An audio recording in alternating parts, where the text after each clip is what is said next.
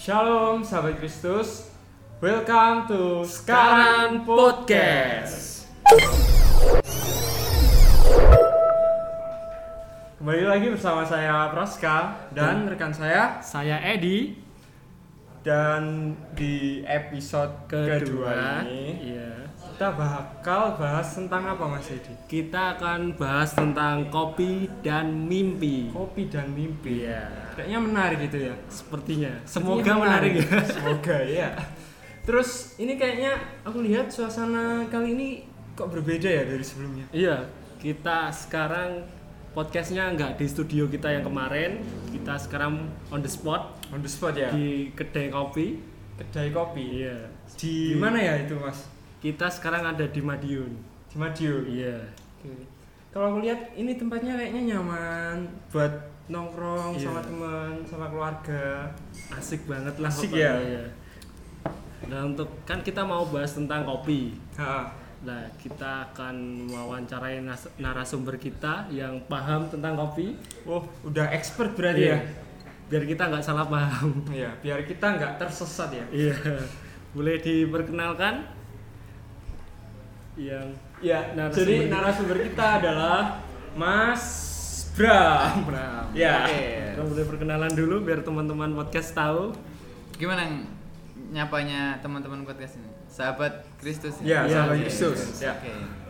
Halo sahabat Kristus, nama saya Abraham Kartiko Saputro. Nah, saya sekarang apa lagi kenal? Saya dari Madiun.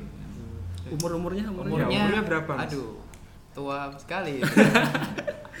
Gak apa-apa. 26. 26. Oh, masih muda, masih muda. Selamat Mas Edi. Ternyata ada yang lebih tua Iya. dari Anda ya sekarang. Kemarin saya yang lebih tua. Iya. Di episode kedua Mas Edi udah nggak terlalu tua lah ya. Iya. Oke. Sekarang habis ya. Iya. Iya. Tua. Terus statusnya apa ini Mas? Mungkin Statusnya saya Statusnya eh, masih- online, online Mas ya. Tuh, masih online. ya. Saya available. Berarti masih bisa ada peluang buat teman-teman Pendengar, pendengar yang single-single, ya. Oke. tapi cewek loh ya yang single. Ya, jangan sampai cowok lah. Pasti. Bahaya, bahaya. Jangan lah.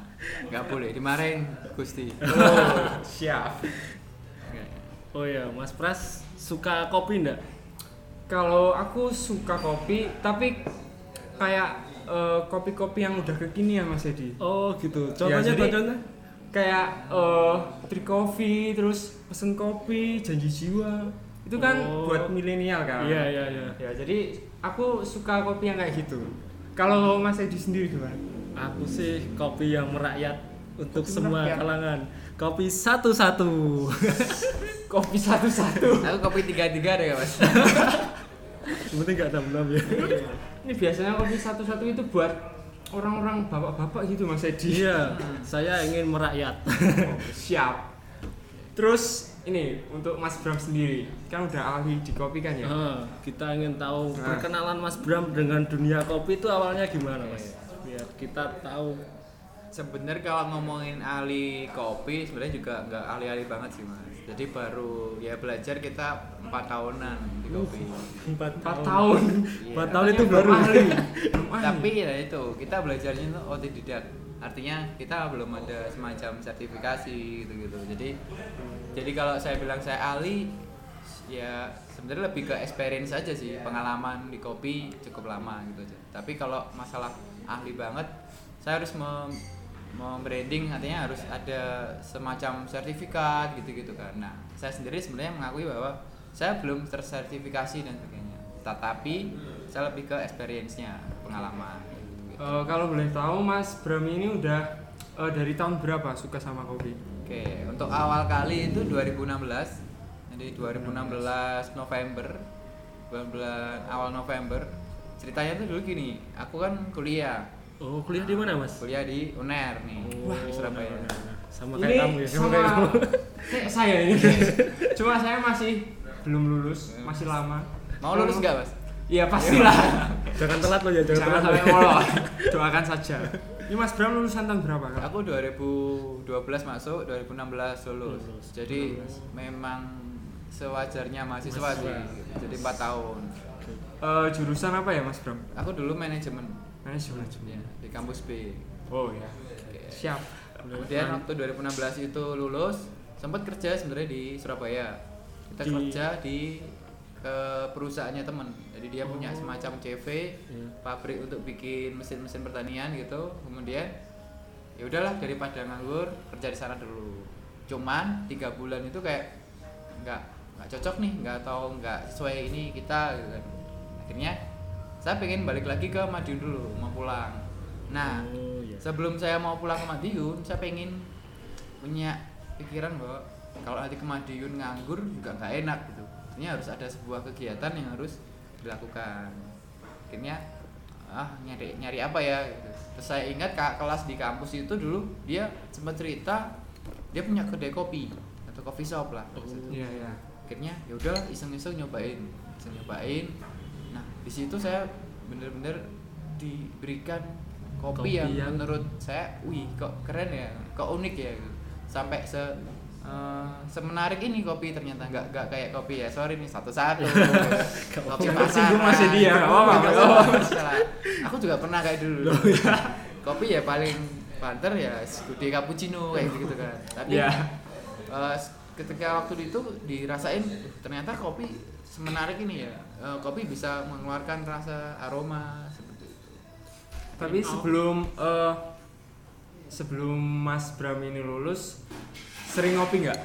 nggak pernah. Nggak pernah ya? nggak pernah. Nggak pernah jadi gara-gara kayak kelas itu doang. Jadi gara-gara pertama kali masuk ke coffee shop dan sebenarnya bukan masalah masuk ke coffee shopnya juga ya.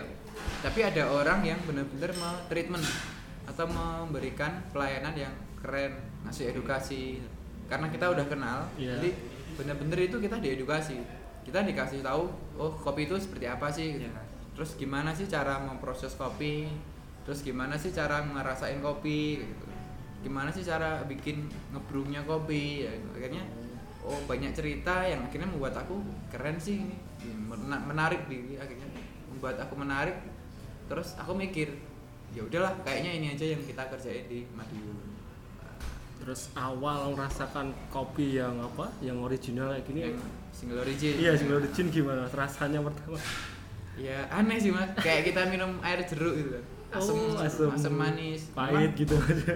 pahit gak pakai gula yakin ya mas gak pakai gula memang gak nggak nggak pak nggak kasih gula mas kalau minum kopi itu kopi itu kan kasih tahu gitu oh Iya. iya eh, kenapa karena kopi itu sudah sebenarnya rasanya enak sudah enak sudah macam-macam ada manis asemnya oh gitu akhirnya tahu kan Iya. akhirnya ya ya udah kita nggak pakai gula Iya. satu dua kali kita aneh memang Iya. cuman ketiga keempat itu baru, Baru. mulai merasakan oh ternyata seperti ini ya kopi itu nah setelah aku pindah ke kopi yang kopi beneran kopi nih Bukan yang bohongan. yang bohongan gitu yang campur gula lah Iya, campur iya. creamer lah dan Iya. sebagainya itu ternyata keren ya asik artinya aku nggak akan nggak akan pindah lagi nih ke ke kopi yang Kopi yang campur-campur campur-campur.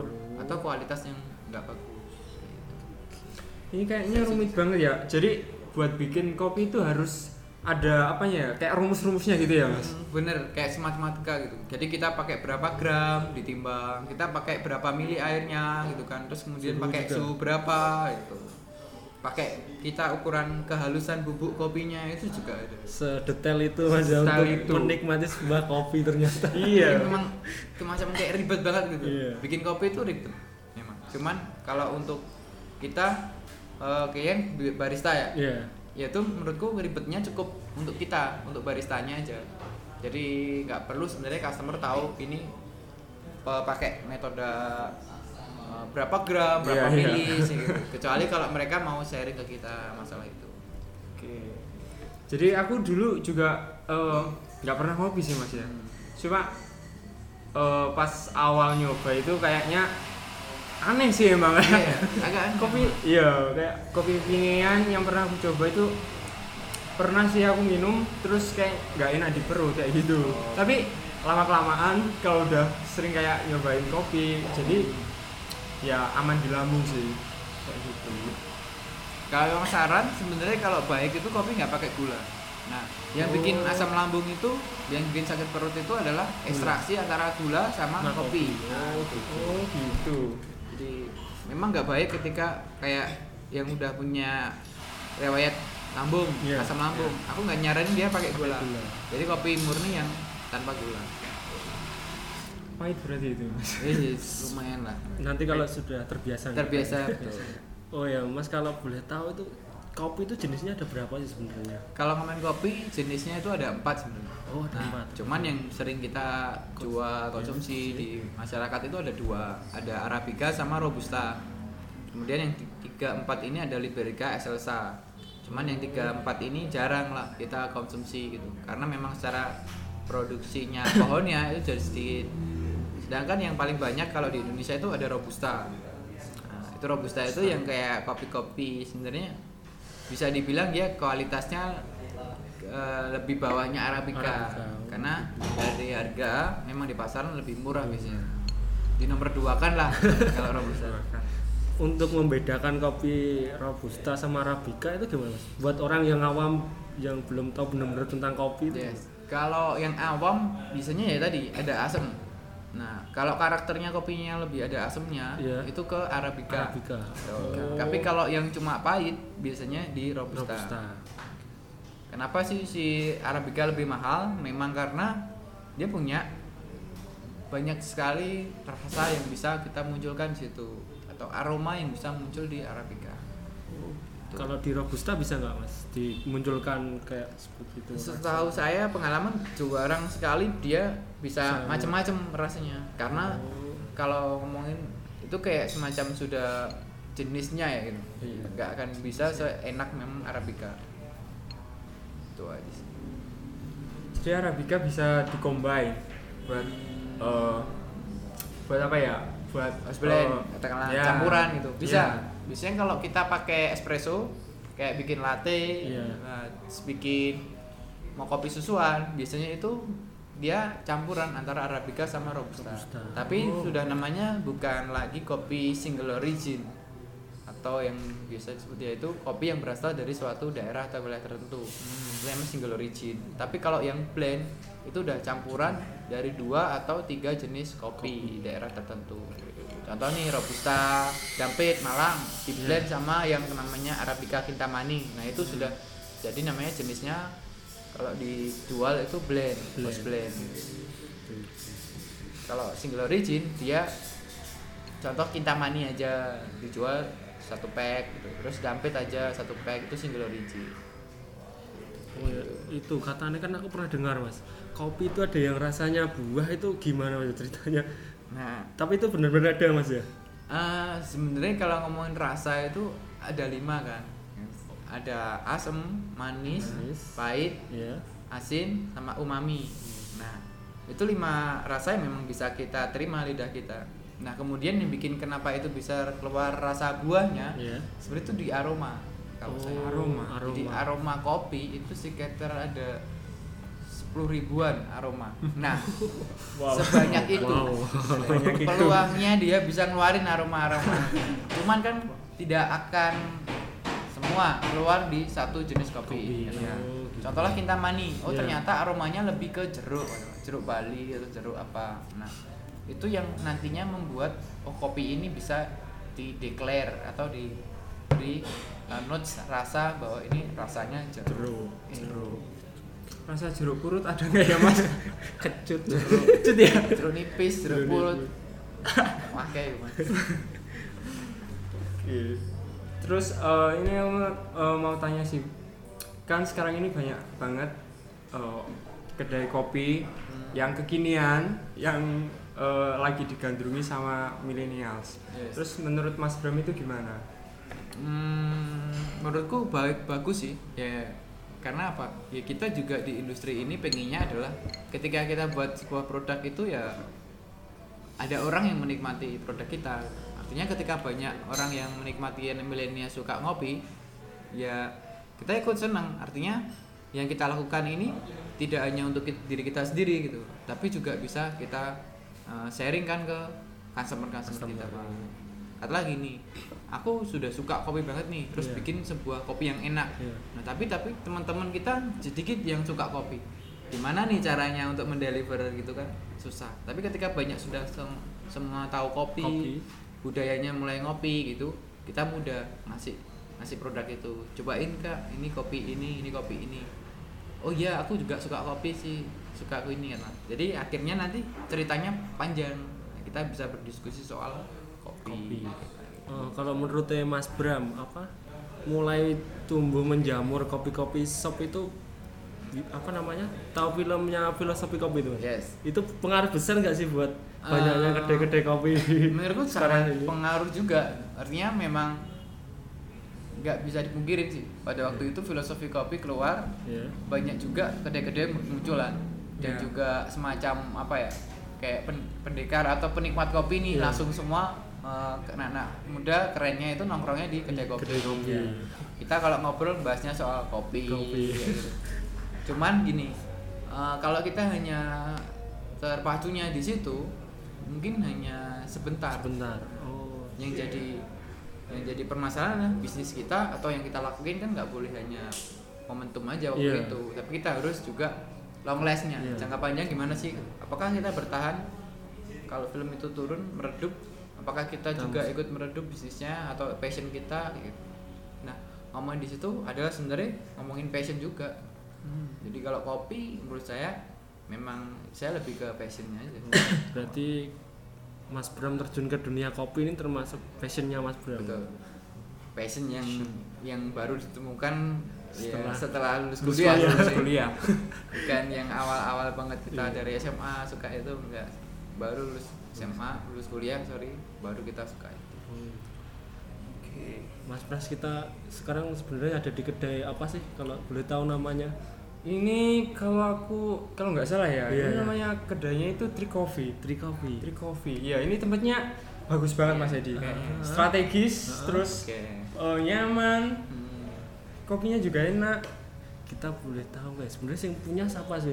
Hmm. siapa tahu Mas Bram tahu kan? Mas Bram iya kan mas Bram kan Madiun. Madiun. Suka kopi. Nah siapa ya? sing yang punya ini siapa Mas? Ibnu? kayaknya kayaknya di sini mas. Oh. Jadi mas Bram yang punya kafe ini ya? Iya. kafe kedai kedai kopi ini ya? Yang Ya, Bu- 2016 itu aku bikin ini langsung. Oh. jadi setelah lulus itu kita tahu kopi. Ya ngerasain kopi itu langsung aku pengen bikin sesuatu di Madiun dan inilah dari kopi ini yang aku bikin. Nyebutnya tiga kopi atau tri kopi? Hmm, sebenarnya aku temen-temen tuh sering nyebutnya tri coffee tri kopi. Dan aku nggak mempermasalahkan ini tiga atau tri coffee coffee. gitu. kalau ngomongin kopi belakangnya Iya. harusnya kan tri. Tri oh Nah, ya kalau tiga kopi, Kopi. nah tapi sempet sih kemarin kita juga baru bikin CV itu Iya. namanya tiga kopi Tiga kopi. bukan tri coffee karena nggak boleh pakai bahasa Inggris Inggris. Eh, Hmm. kalau CV harus nama bahasa Indonesia Eh, apa itu KBI yang benar kalau biasanya kan kedai-kedai kopi namanya kan mesti unik-unik mas ya? Unik-unik, iya. biasa di situ ada filosofinya Iya. nah kalau tri coffee ini filosofinya apa mas kalau boleh tahu filosofi kopi. Eh, kalau tri kopi sebenarnya awalnya kita nggak nggak rumit-rumit sih artinya. Kita awal itu aku ngajak dua temen jalan untuk jalan bisnis ini. Akhirnya kan personal yang di sini tiga orang. Ya jadilah aku ya udahlah tri kopi tri kopi kopi dan kebetulan ternyata aku lingkupnya itu banyak di angka tiga. Kayak aku anak ketiga nih. Oh Terus dulu tiga. SMP 3 nih, SMA 3 nih, jadi kait-kaitin nih semua nih. tiga nomor keberuntungan bukan mas hmm, ya boleh dibilang gitu kalau nomor keberuntungan tiga. berawal dari tiga orang buat ngebangun kedai Tri Iya. Coffee ini ya. Terus sampai sekarang apakah tiga orang ini tetap stay atau Tidak. tidak? Oh, Jadi memang ceritanya panjang banget sih, Hmm. apalagi 4 tahun kan. ya. Memang ada beberapa itu berganti tim gitu kan, bongkar, pasang. Eh, memang cukup berat. Kalau ganti tim itu artinya harus kita menyamakan visi misi lagi gitu kan, harus klop lagi dulu. Kayak temen tuh kan kita nggak harus nggak bisa kan langsung temen sama semua orang gitu. Iya, Ini harus iya. cocok dulu. Nah, sama sih apalagi kalau kita di kerjaan kita harus ngetim dulu nih biar ngeklopin dulu baru kita bisa kerja bareng-bareng enak Uh, jadi sekarang tuh tim saya yang awal itu sudah Sudah sudah lepas jadi Oh. saya bangun tim baru yang baru terbentuk sekitar dua tahunan ini. Dua tahun ini. Dua tahunan ini. Jadi ya aku sudah pernah mengalami ganti tim gimana. Yang memang yang penting itu kita ternyata harus punya visi misi di sini Trikofi. Jadi toh kita ganti tim tim yang baru itu harus menyesuaikan dengan visi misi Trikofi. Jadi aku pun harus menjaga agar visi misi Trikofi ini tetap di jalur. Tetap di jalurnya benar. jangan sampai oh nggak tahu berantakan yang mau ke mana. Kalau kedainya yang awal yang ditempati sekarang ini atau ada lagi mas sebenarnya? Ada, Ada yang lagi. di Sogaten oh kalau yang ini di di Jalan Diponegoro. Jalan Diponegoro. Jadi buat teman-teman yang ada di Madiun bisa mampir di Yes. Tri Coffee Tri Coffee. Nanti bisa minta diskon sama Mas Bram ya. nomor WA di sini ya kupon kalau boleh tahu kedainya mas Bram sekarang ada berapa mas ya jadi kalau yang kita manajemen ada empat jadi Oh. ada tiga brand di coffee sama satu brand baru yang eh, kita kolaborasi konsepnya jadi sama desain interior yang Iya. bikin tempat ini juga Iya. dia punya space kita bikin kolaborasi jadi dia punya tempat dibikin keren kita yang ngisi eh, kopinya Oh. betul. tapi namanya tetap Tri Coffee Eh, atau itu beda yang beda beda yang lagi? yang brand baru itu namanya Iya. Fusi oh kalau yang tiga ini tetap Tri Coffee. Coffee Kalau yang dua lainnya selain di tempat ini tuh di di, di Sogaten tadi saya bilang Ya, itu yang awal yang awal. uh, awal kita buka situ itu juga uh, di kampung lah di pinggir kemudian ada juga di daerah Kojo pasar Kojo Kojo. di Madiun. Nah itu kami juga namanya dia Tri Coffee Tri Coffee. Kojo. Kalau ngomong ya yang yang paling ini uh, katakanlah kita sering main ya di Diponegoro ini karena yang lainnya buka sore yang di sini bukanya dari siang dari pagi Oh, jam. 9 Dari pagi. Jadi enak sih ngopi-ngopi pagi gitu kan jadi nggak cenderung kalau ngopi itu harus malam enggak kalau aku sukanya lebih sebenarnya ngopi itu pagi karena dia booster untuk kita mau kerja atau ngapain Oh. itu kita kan butuh kayak semacam sup supply untuk Buat stamina ya, tenaga gitu ngopi lah kita Kopi. Eh, jadi kedai pertama Mas Bram itu ada di yang pertama kali pertama kali di Sogaten di Sogaten. Betul. Terus eh, baru berkembang di Jalan Diponegoro ini sama di Kojo Kojo. Oke. Jadi eh, dalam waktu 4 tahun menurutku itu hebat banget ya. Udah punya cabang banyak tiga banyak. Iya, udah punya cabang tiga dari kopi ini. Terus eh, apa ya? Kayak motivasi Mas Bram hmm. buat eh, ngebangun usaha Usaha ini ya sebenarnya nggak jauh dari tadi kita awal itu kita mau pengen ngerjain sesuatu yang sesuai passion kita apa yang kita suka gitu Eh, kita kan nggak juga tahu gitu Tuhan mau ngasih kerjaan kita di mana. Iya. artinya ya kita harus berusaha gitu. Gak malas-malasan atau sembari menunggu katalah kita ada lowongan kerja waktu itu ya kita ngerjain apa yang bisa kita kerjain. Sembari juga sebenarnya di sini tuh enaknya kami aku suka deket sama gereja. Artinya pelayanan bisa jalan. Oh nah gitu. Contoh waktu ada sidang MD atau ada kegiatan di gereja aku akan sangat bisa meluangkan waktu terlibat kalau aku di luar kota hmm, I don't know aku gak akan tahu apakah bisa apa enggak Oke. itu salah satu sudut positifnya sih Iya, kalau iya. kita dalam bergereja dan juga kita melakukan usaha, Usaha. bisnis kalau menurut Mas Bram Mas Bram punya apa namanya kafe tiga ini termasuk mimpi besarnya Mas Bram nggak? waktu awal-awal aku milih akan terjun di dunia kopi oh termasuk mimpi besarnya Mas Bram atau masih belum masih ada lagi yang lain? Sebenarnya aku juga nggak terlalu ambisi dengan aku akan pengen punya besar gitu ya. Cuma aku tetap pengen proses belajar dan step by step itu harus ada progres. Gitu. Oh. jadi kayak semacam buka cabang di sini gitu ya. Iya. itu sebenarnya dari pengen kita ngadain sebuah progres atau sebuah uh, kita next apa nih yang harus dikerjain gitu, apa yang dilakuin gitu.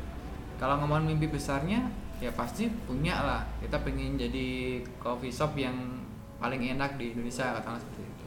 Mimpi besarnya. Mas. besar itu. Jadi kita punya kopi yang paling enak dengan konsep yang bagus pelayanan yang bagus dan gitu nah itu dikejarnya tidak kan langsung sehari jadi. Iya. Nah artinya per hari day to day nya kita harus ada evaluasi harus apa yang kita lakukan lebih bagus kayak dari cita rasa kualitas kopi dan juga pelayanan kita.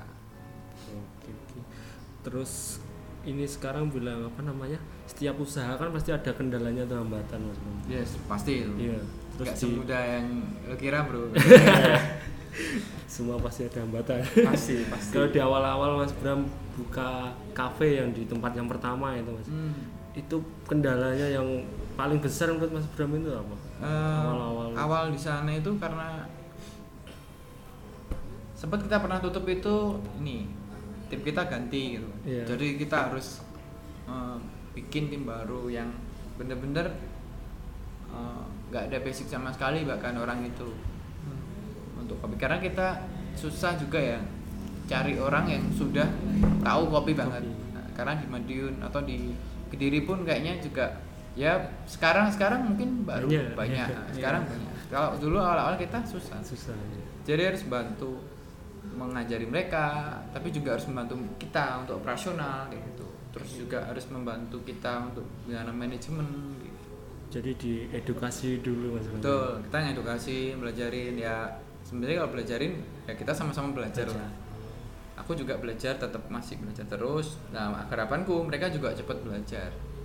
Agar kita ibaratnya tuh aku nggak pengen ini eh, pelayanan kita atau kopi kita di di kena image buruk lah sama Iya. customer. Nah, itu kan gimana kita biar tidak kena cap seperti itu ya harus terus belajar.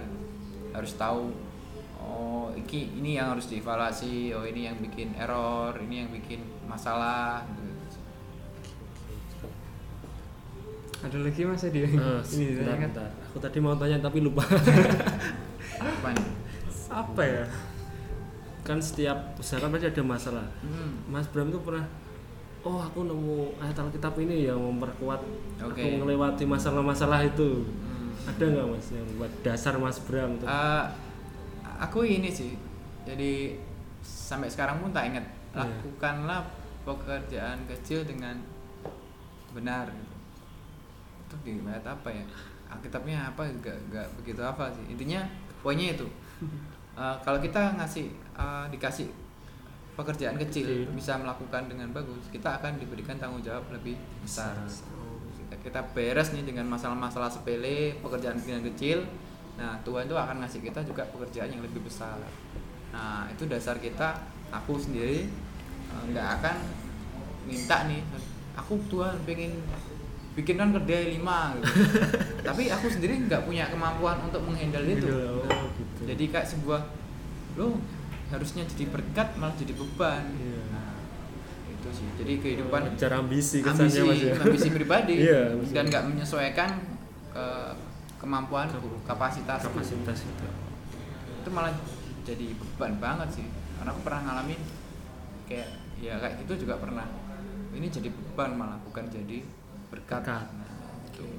Terus Mas Bram eh, percaya nggak sih Mas Bram dari awal sampai sekarang ini sampai bisa sukses punya tiga kedai kopi satu Eh, lagi tadi satu lagi tadi. Oh iya, ada empat ya berarti.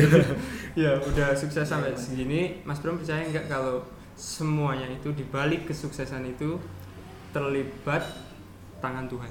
campur tangan Tuhan. Pastilah.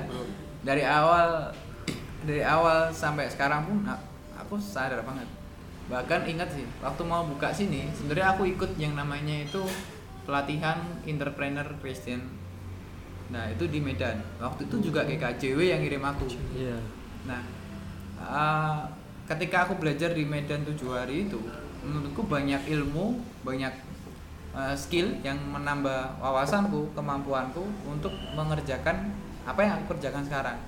Artinya ya bisnis kopi ini. Jadi kalau aku nggak berangkat kemarin di Medan, itu nggak akan mungkin nggak akan keren ini Keren. dari kopi. Ya, ya pasti bro, itu semua dari Tuhan. Kalau aku nggak ikut di situ, karena gini, sebenarnya dilema juga kemarin tuh. Aku berangkat itu sebelum ini opening. Oh yang di yang di Ponegoro, ini. Ponegoro ini. Jadi kayak semacam be- beban atau berkat nih lah balik lagi. Berangkat berangkat berangkat gak karena kalau aku berangkat fokusku juga akan terpecah kan? Iya. nggak bisa fokus, di fokus sini. tapi balik lagi aku milih yang mana? Pilihan kan lu mau pelayanan dulu apa Tuhan dulu atau urusan gitu. akhirnya milih yang ke Medan itu. Syukurlah aku milih ke Medan. Syukurlah.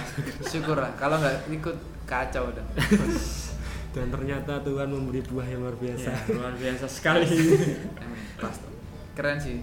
Maksudnya memang Tuhan itu keren. Ngasih sebuah uh, kejadian atau segala sesuatunya itu memang rencananya dia itu keren Iya. Jadi, aku kalau ngikutin rencanaku sendiri mungkin gagal tapi Tuhan punya rencana memang lebih karena rencanaku ya aku nggak aku nggak akan mau keganggu lah iya pastinya kalau secara manusiawi aku pengennya gimana sih. Tuhan aku mau fokus bikin kopi lu malah Iya. ngajakin pelayanan Pelayanan. kayak gitu. tapi ya balik lagi lu mau apa gitu mau mau cari Tuhan dulu pelayanan dulu atau ambisimu sendiri. Kalau pelayanan dulu ya akan ditambahkan semua ya ayat balik lagi ke ayat kan ada kan. Kalau kamu mencari kerajaan Allah semua segala sesuatu ditambahkan. Ditambahkan. Ya. Yes. ayat yang bagus. Ya bagus sekali. Jadi buat teman-teman jangan berpikir oh kalau kita pengen sukses itu jalannya mulus saja gitu ya. Pasti Iya. banyak sekali tantangan rintangan yang bakal kita hadapi. Pasti. Pasti. Terus jangan eh, pernah melupakan sama Tuhan Iya. karena kalau nggak ada campur tangan dari Tuhan ya gimana Iya. hidup kita bakal kacau gitu Iya. ya banget sih soalnya kan kita bisa seperti ini kan ya karena Iya. Tuhan kalau ngomongin tantangan sebenarnya ada dua ada dari diri kita intern nah, maksudnya setelah lu bermasalah sama hidup lu sama Tuhan iya individu lu bermasalah dengan karakter atau habit lu itu bisa ngerusak sih rusak kayak bisnis lu eh, sosial keluarga temen gitu. dan yang kedua adalah masalah dari eksternal dari luar contoh nih ya, kamu dapat em, kayak semacam musibah atau tantangan dari orang lain gitu Cuma ada yang reset sama kamu Iya. mau ngerusak apalah gitu nah itu juga tantangan kan nah Iya.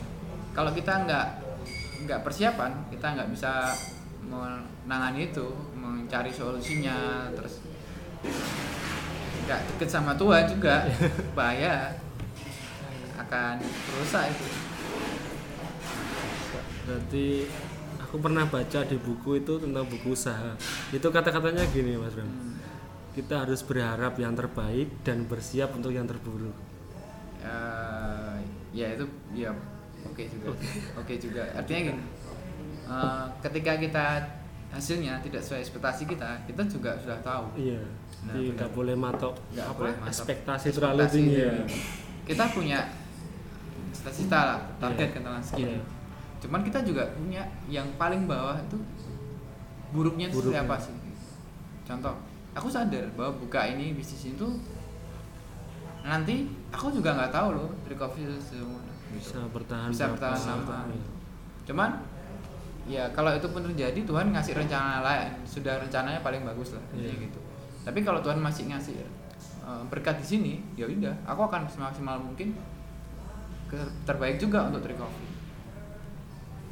Oke, jadi kita harus apa ya eh, punya harapan yang baik. Tapi kalau kita udah tahu hal terburuk apa yang bakal Yes. kita hadapi. Dan kita kita siap itu nggak bikin apa kehidupan kita tuh langsung berantakan atau down tapi kita tetap ya udah kalau itu terjadi kita udah prediksi kan Iya. Iya. Ya udah jalanin aja terus nah yang penting adalah next stepnya apa bangkit lagi gitu bangkit lagi kan mas nggak mungkin kita mau ya udah gitu aja katalah Iya. gini ya wes kan eh, pedet pacarmu kata wes turu ning omah gak mangan mati ya awakmu ya awakmu kudu ya wes dolan lah Iya. ya golek mana ta apa Golek golek pacar. kanca maneh kan ya gak usah terlalu dipikir jeru-jeru.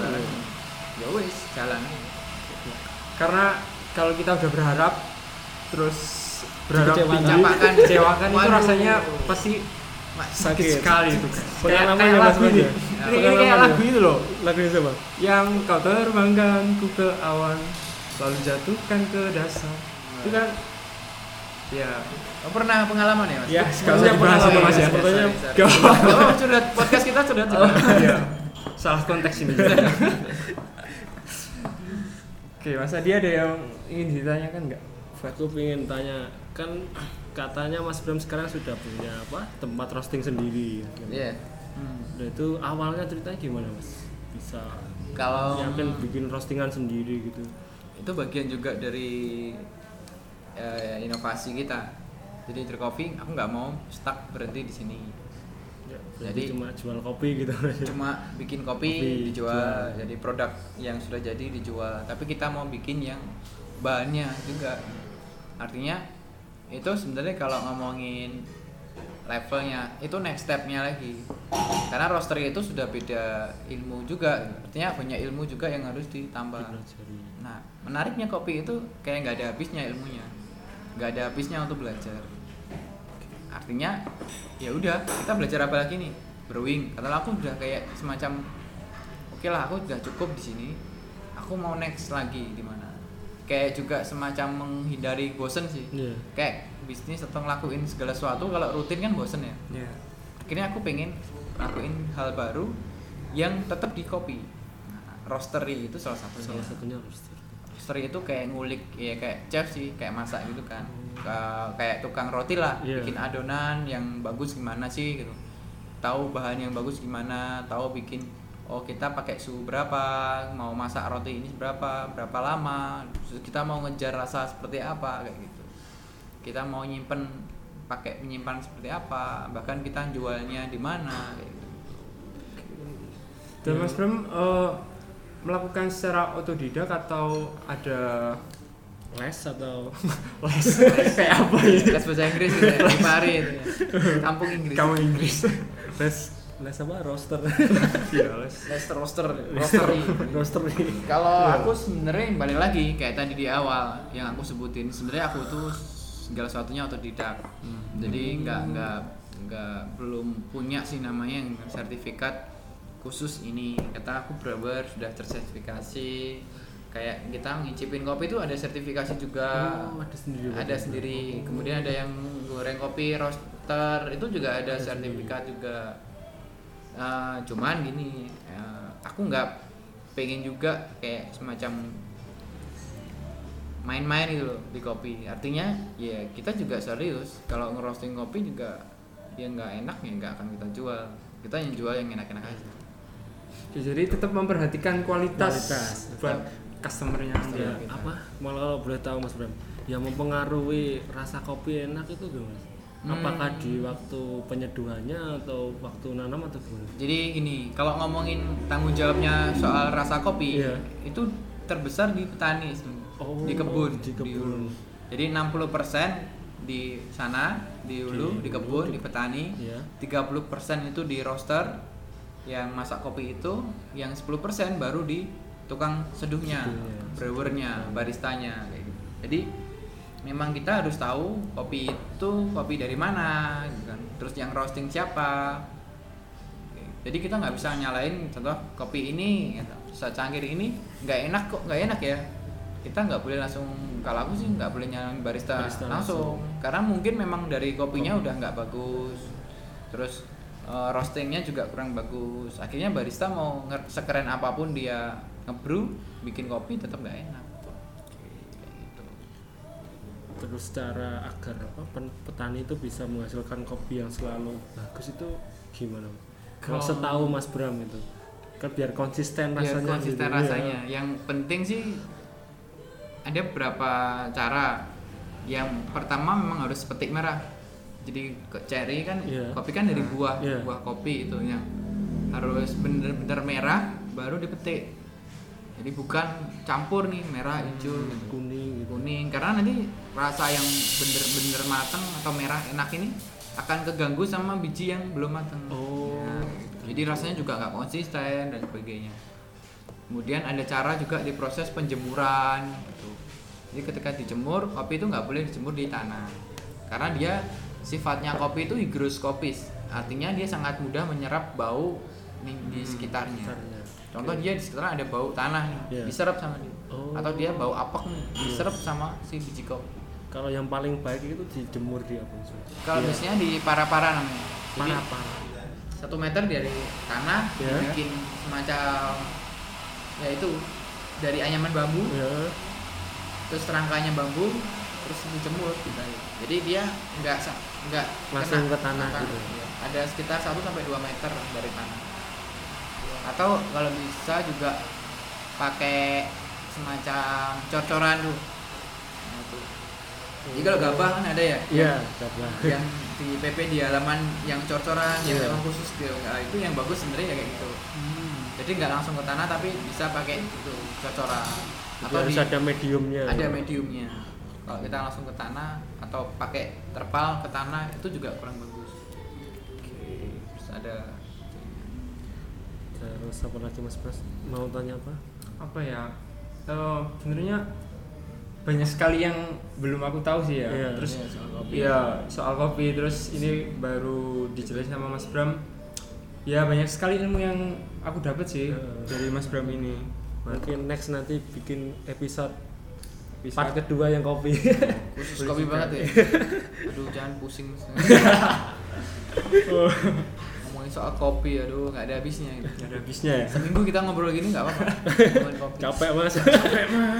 mandi makan di sini terus wah Kalau menurut Mas Bram, usaha Mas Bram ini sudah berdampak belum sih Mas? menurutku sudah ini serius Mas ya. oke nggak aku nggak pengen serius nggak ngomongin soal berdampak pastilah men. jadi dulu awal aku ngerasa memang awal-awal itu nggak terlalu berdampak. Artinya untuk aku sendiri. Aku ya suka ngelakuin ini ya udah. Jadi terlalu idealis Ideal. gitu Mas. dampaknya bagus untuk orang lain atau enggak ya enggak urusan. Tapi sekarang ya sudah kelihatan sih buahnya. Artinya teman-teman juga bisa merasakan hasilnya. Kita ada 15 teman partner tim yang bekerja di sini terus ya aku sudah mulai juga baru mendapatkan buahnya ya dari secara ekonomis bisa menopang hidupku lah kayak itu kemudian orang tua juga sudah mulai terbuka oh bahwa ternyata apa yang aku lakuin selama ini tuh benar-benar sudah mulai terlihat buahnya gitu artinya ya menjadi berkat sih harapannya Oke. Waktu awal-awal itu apa di ada hambatan dari keluarga Mas Bram? oh ya ada diragukan awal-awal pasti kita kan kalau anak muda punya semacam mimpi gitu ya Iya. Biasanya kan orang tua pengennya orang tua, anak jadi ya, PNS gitu Mas. ya. Hei, nyambut gawe nang ini Ah. nih. ya pasti kita tetap pengen mendengerin dan pengen berusaha lah menyenangkan mereka Iya. ya, orang tua kita tapi balik lagi kayaknya yang bertanggung jawab nanti untuk kehidupanku lima tahun 10 tahun lagi kan aku sendiri sebenarnya. Hmm. aku bener-bener bisa uh, mampu bertahan tuh di mana. Cuman ya artinya nggak boleh juga nih bantah orang tua enggak yang penting kita juga dengerin hormatin. Cuman aku juga akan berusaha membuktikan buktiin bahwa apa yang aku lakukan ini emang benar. Emang ada buahnya. Nah ketika ada mulai buahnya orang tua mesti Iya. oke aja sih. Lanjutkan lanjutkan. mantap anakku ACC. ACC. oke eh, terus Mas Bram eh, punya keinginan nggak sih buat eh, mungkin bangun kedai kopi di Kediri atau di lain Oh, kota buka di selain di Madiun gitu. Ya. oh gitu mau mau jadi investor kita Eh, Oh, ya. Saya boleh lah ya bantu jualan aja Mas. Iya sih kalau ngomongin kita mau buka di mana-mana, aku sangat sangat bisa membantu atau kita kolaborasi atau semacamnya. Cuman gini, tanggung jawab nanti penuh tetap orang yang ada di situ. Jadi aku nggak bisa nih sekarang untuk katakanlah buka diri ya, Iya. dan aku stay di kediri terus. Aku akan bisa membantu men-setup sistem bikin bantu training dan sebagainya bikin kalian gimana sih stepnya habis ini mas ini ini. Tetap aku kontrol aku bimbing. Tapi kalau aku suruh di situ terus tuh ya kayak nggak bisa. Karena tipeku kayak I'm creating something but I can do di situ terus lah. Iya, iya. akan di sampai tua di situ terus gitu kayak kurang menarik gitu. Harus harus memang ada project-project lain yang next next. Aku harus ada ambisi atau cita-cita sendiri lah aku kepengen habis ini ke mana ke mana. Dan ketika aku melihat opportunity atau kesempatan itu bagus dan kayak ini bisa jadi peluang bersama bisa positif nih oke ayo kita kerjain. Sih gitu aku. Jadi ada tantangan atau atau semacam ayo mas bikin kolaborasi ya teman-teman. Oke aku sangat terbuka. Hmm, terus eh, mungkin buat teman-teman yang ada di luar sana pengen punya usaha tapi Oke. kayak ragu nih nanti usahaku gimana ya? Eh, laku enggak atau nanti aku malah bangkrut? Nah menurut Mas Bram untuk membuka suatu bisnis atau usaha hal apa yang paling penting?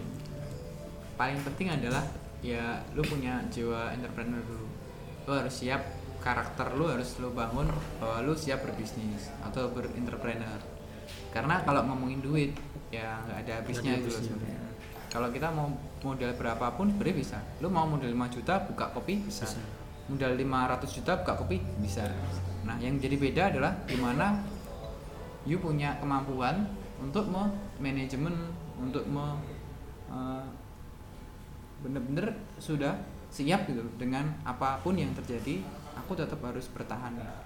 Aku harus tetap bikin nih bisnisku jalan, Berjalan. Tapi lebih ke mental sebagai Yes, wirausaha mental gitu. sebagai gitu Iya. Inter- kreatif entrepreneur karena itu lu mau beli di mana bro mau mau beli ikut pelatihan sebanyak apa pun kalau lu tetap sebenarnya diri lu nggak pengen punya mental itu ya sorry kamu akan nggak akan bisa keren sih di situ.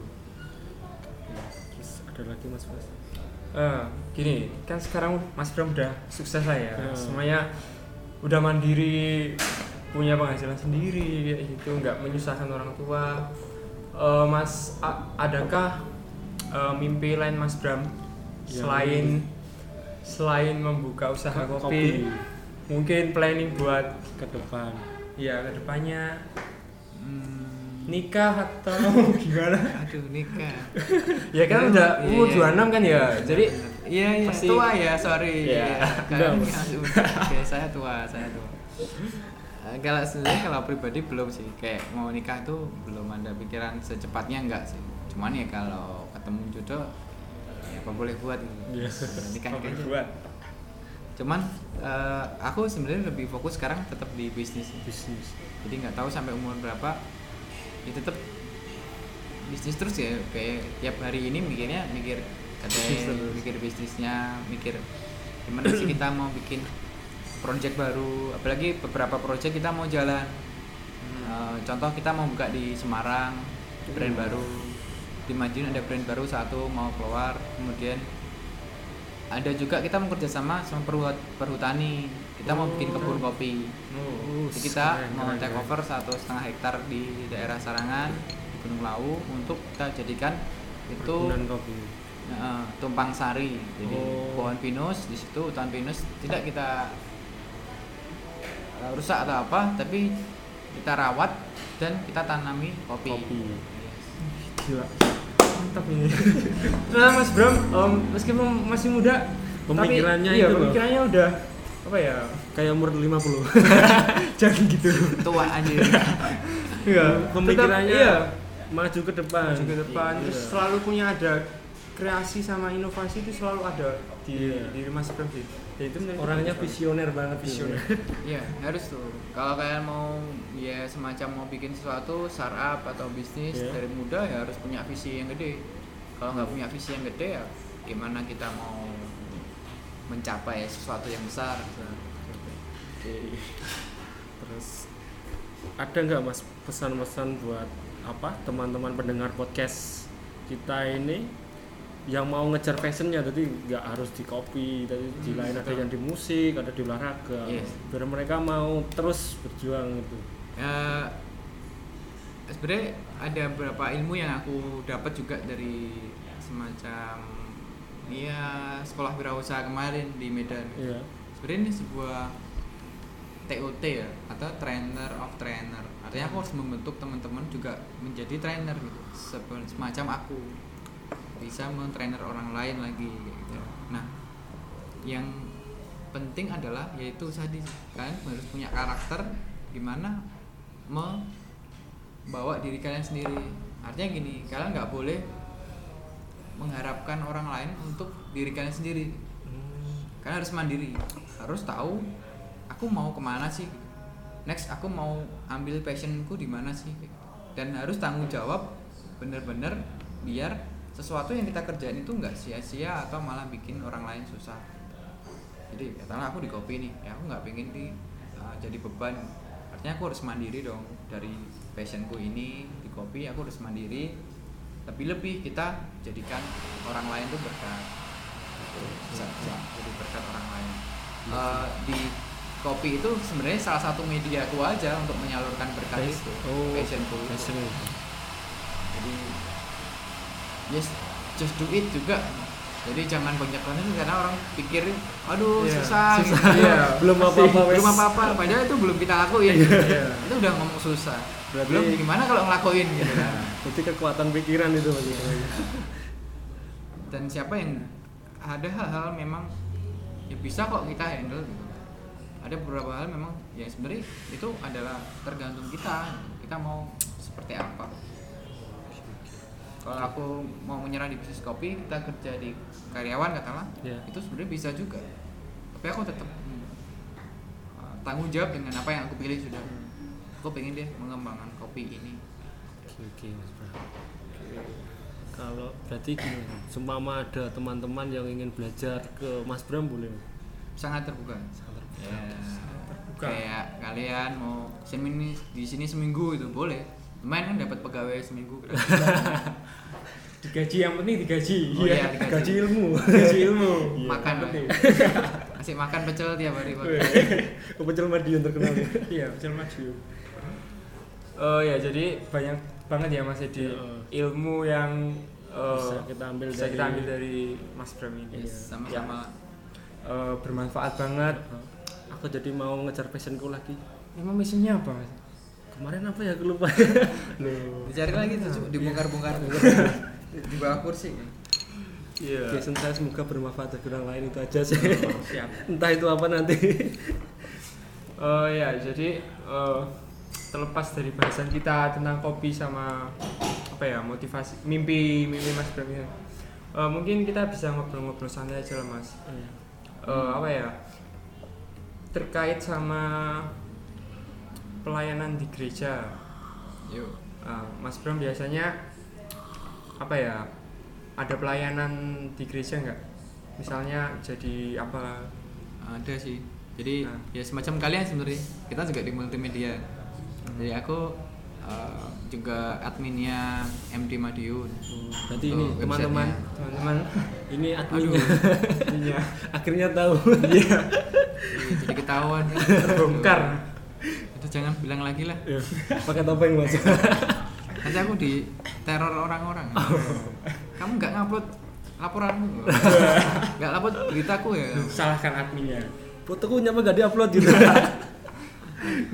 itu sih sama ya di gereja biasa kita di multimedia juga kayak LCD terus di eh, semacam kayak ada acara apa kita sering jadi dokumentasi ya seperti itulah ya nggak jauh-jauh dari balik lagi ke apa eh, talentamu kalau aku sih lebih seneng kita berpelayanan sesuai talenta. Talenta. agar kita ngelakuin juga seneng.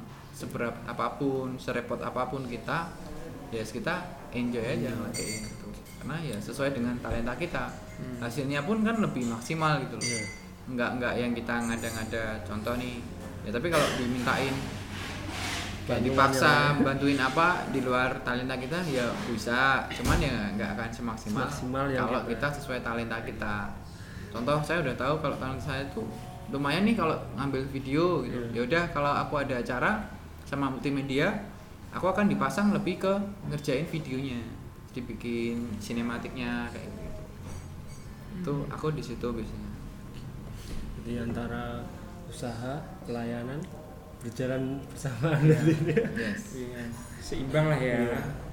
bisa buat contoh bagi pemuda-muda GKJW ini. iya haruslah jangan lupa jadi GKJW siap di mana pun harus GKJW GKJW apa? Salawasi. salawasi Salawasi. Momote Kalau nanti ada yang ditanyakan lebih lanjut bisa datang ke Tri Coffee langsung. oke Kopi langsung. silakan nanti ke Madiun Eh, bisa kalau Oke, iklan-iklan dikit Iya, ya. gak apa-apa mas. Di Instagram kita ada Tri Coffee angka 3 C O F F E nya 3. Nah, itu kita sering kali update segala sesuatu informasi di situ. Contohlah bukanya kedai yang ini jam berapa, yang kedai lain jam berapa, terus ada info apa gitu. Kayak ada acara mungkin kelas kopi, misalnya kita upload juga di situ. IG-nya Mas Bram. Mas Bram ya. IG-nya Mas Bram apa ya? Oh iya, Biar lebih banyak mas yang ikut. ikuti mas, followernya biar banyak. Iya. Kalau IG aku Abraham Kartiko. Abraham Abraham Kartiko. Kartiko. Bisa di follow guys. Nanti jangan lupa di follow mas. deskripsi aja. Deskripsinya di bawah ya. Iya. biar Ini- nggak salah. Tak kunci lah ya. Privat. Privat. Oke, eh kayaknya udah eh, di episode 2 ini udah cukup lah ya buat Ah, kita. udah. Kurang lama nih. Masih kurang ya. Mungkin di next episode Iya, ya kita kita bisa bikin bikin part 2, part 3 tiga lagi. Sampai bahasanya habis. Kopi nggak ada habisnya. ya. Enggak bosen lah ini pemirsa. Oke, eh, jadi terima kasih buat para pendengar podcast dan see you next episode.